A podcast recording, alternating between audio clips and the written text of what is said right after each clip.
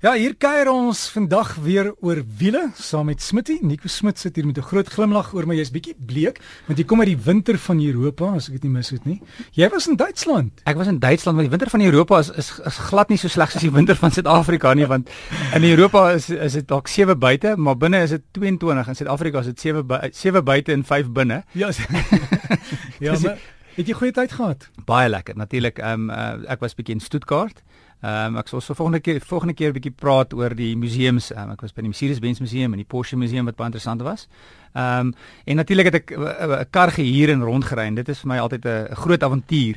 Die groot ding uh, en en die om gewoon te raak is om om aan verkeerde kant van die pad. Hulle dink natuurlik hulle ry aan die regte kant, maar om aan die verkeerde kant van die pad te ry want ons is in Suid-Afrika, ehm um, ry ons uh, aan die linkerkant, hulle ry aan die regterkant. Hoekom? Ehm um, dit kom terug van van tye uh, daar's 'n hele storie as jy kyk na ridders op perde. Hulle het gewoonlik die ridders het links gehou, ehm um, so as hulle verbykom, was jy aan die linkerkant want as dit as jy ou jou vyand was, kon jy jou swaard uittrek en die meeste van die mense was reg, so dan makliker om 'n swaard geveg te hou met al twee swaarde aan die regterkant.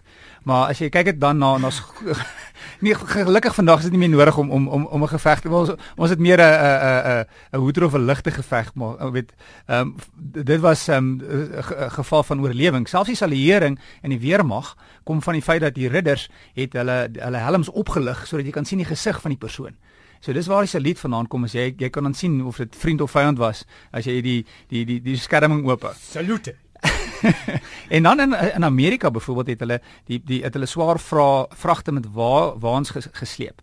En in daai geval het die persoon wat die wat die wa gestuur het, het op die heel agter op die linkerkant se perd gesit sodat hy die sweep kon swaai.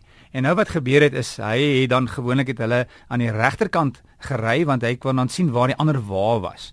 So met ander woorde daar's daar was um uh, in as jy kyk na Europa, byvoorbeeld in Frankryk, um hier het gebeur dat mense aan die linkerkant ge, uh, geloop het en in um perde aan die regterkant en dan het hulle ook baie maal 'n sloot aan die regterkant gehad, so as jy dan um op op jou waar ry, is en jy sit bo kan jy regs, het jy dan regs gesit so jy kan sien waar die waar die sloot is. So e, effektiewelik in Frankryk na die Franse revolusie het alles omgedraai en almal het toe die mense en die en die voertuie het, het regs beweeg. Nou in Suid-Afrika omdat ons nou 'n Britse kolonie is, al die Britse kolonies, ehm um, en jy is nog steeds sien in Australië, Australië, Nieu-Seeland, Indië ry almal aan die linkerkant.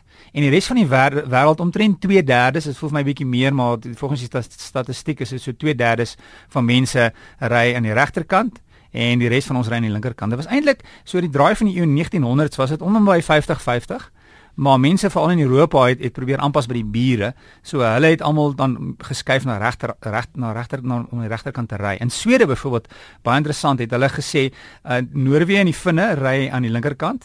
Uh, hulle ry regs. Ehm um, Uh, so wat hulle gaan doen is hulle gaan omdraai. So hulle het besluit eendag en dit was 3 September 1976 het almal van links na regs gegaan in die hele land. Maar dan word gesê môre gaan almal skuif en jy ry aan aan die ander kant van die pad. So dit was nogal gas. Nee, dit was redelik snaaks genoeg was daar nie baie insidente nie. Ehm um, ehm um, en vir 'n rukkie sê hulle was daar minder ongelukke en en toe het dit nou maar weer geskuif soos die die ongelukke wat daar is. So ehm um, wat interessant was ek onthou die heel eerste keer toe ek in in in in Duitsland gery het is as jy ry die pedale die, die opstel van 'n kar is is dieselfde so die stuurwiel jou koppelaar is nog steeds met jou linker voet en jou rem en jou versneller is aan die regterkant.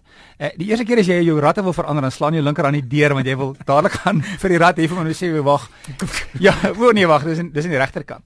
En dan die groot gevaar is as jy kyk gewoonlik verkeerde kant toe. Eers links regs. Ja, so jy verwag die verkeer hier van van die regterkant af en dit kom van die linkerkant af. So dis gewoonlik daar kyk ek baie baie links en regs en as jy eers saam met verkeer vloei dan is dit redelik maklik want jy's dan in die regte rigting. En sodra jy by 'n kruising kom dan is dit weer eens moet jy mooi kyk want jy's geneig om te kort te draai in plaas van om oor te draai eh, na na die na die regte posisie op die pad toe. En in 'n sirkel byvoorbeeld is gaan verkeerde kant toe. Ons gaan kloksgewys en 'n sirkel gaan anti-kloksgewys. So die groot ding is maar as jy nie as jy onseker is kyk net wat doen die ander verkeer. Ehm um, en dan maaklik sien jy waar waarom te ry en dan plaas ook van die kar waar die kar plaas in die pad is baie maal is moeilik jy, jy raak gewoond uh, want jy's gewoond dan om jy wil meer amper in, in verkeerde kant sit so jy's jy, naderhand weet jy okay ek die, die witlyn is aan my linkerkant so ek ry naby aan die witlyn dan's ek in die regte posisie. Uh hoekom sit hulle nie maar net al hierdie motors so stuurwiel in die middel van die motor nie? Weet jy daar's een voertuig McLaren byvoorbeeld het het het uh um McLaren F1 in die 1990s het, het die bestuurder sit in die middel en dan het hy twee passasiers links en regs gehad. Die die probleem en hoekom um, in Duitsland selfs aan aanvanklik het die bestuurders links of regs gesit. Dit nie saak gemaak nie. Um en bestuurders en en en perdekarre het die pad gedeel. En die mense in die perdekar het gesê hierdie kar is 'n ewel en dit gaan in elk geval nie dis eh, dit gaan oorgaan. Maar die probleem is as jy 'n voertuig gery het was jy vinniger as die perdekarre as jy regs gesit het kon jy nie beter kon jy nie sien nie. So jy kon nie verbygaan nie want jy kan nie sien nie. So oh. stadig aan het al die bestuurders begin links sit en vervaardigers het hulle het hulle karre um, link, uh, bestuurders laat links sit sodat jy kan um, beter kan sien as jy wil verbygaan En jy het baie gelowig teruggekom en jy bid as jy by daai verkeerssirkels kom en jy weet nie wat om te doen. Nee, weet jy wat die gel ja, gelukkig is die Duitsers so hulle hulle hulle ry ongelooflik. Hulle hulle is regtig baie goed. Ek het op die autobaan gery en op die autobaan. Hoe vinnig?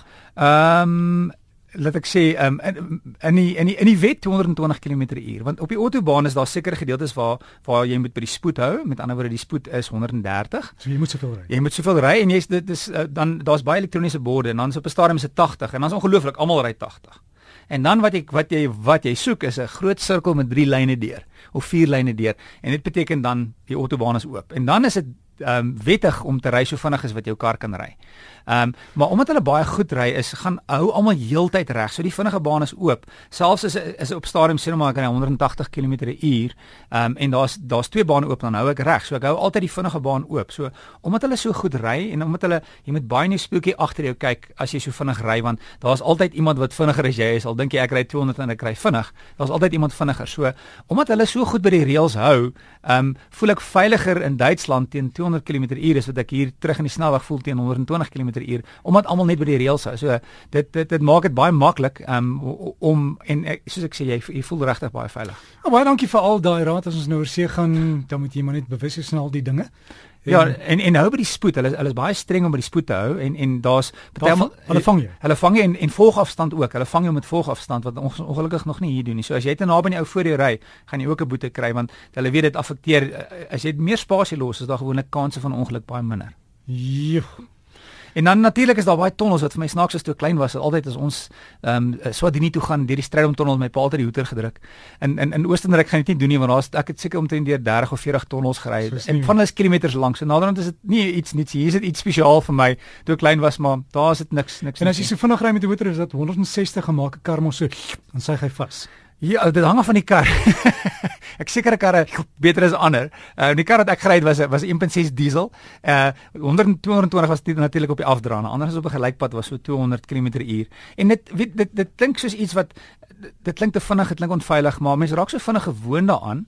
En die kar kan dit doen. Die kar kan dit doen en omdat almal by die reëls hou, vloei die verkeer redelik goed en dit word baie gereguleer. So daar's in sekere gedeeltes baie kameras en dan kyk hulle na die verkeer, hulle sien wag, hier's 'n probleem, dan maak hulle dit stadig. So dan ry almal dan hoekom ry ek nou 80 80? So hulle reguleer eintlik die verkeer om dit stadiger te maak sodat die verkeer nie ophoop nie. So dit word dit werk ongelooflik goed. Maar so gesels ons dan met Smit en Nico Smit hier met ons wiele bydra op RSG en volgende week weer op sy pos, dan ry ons veilig hier deur Suid-Afrika.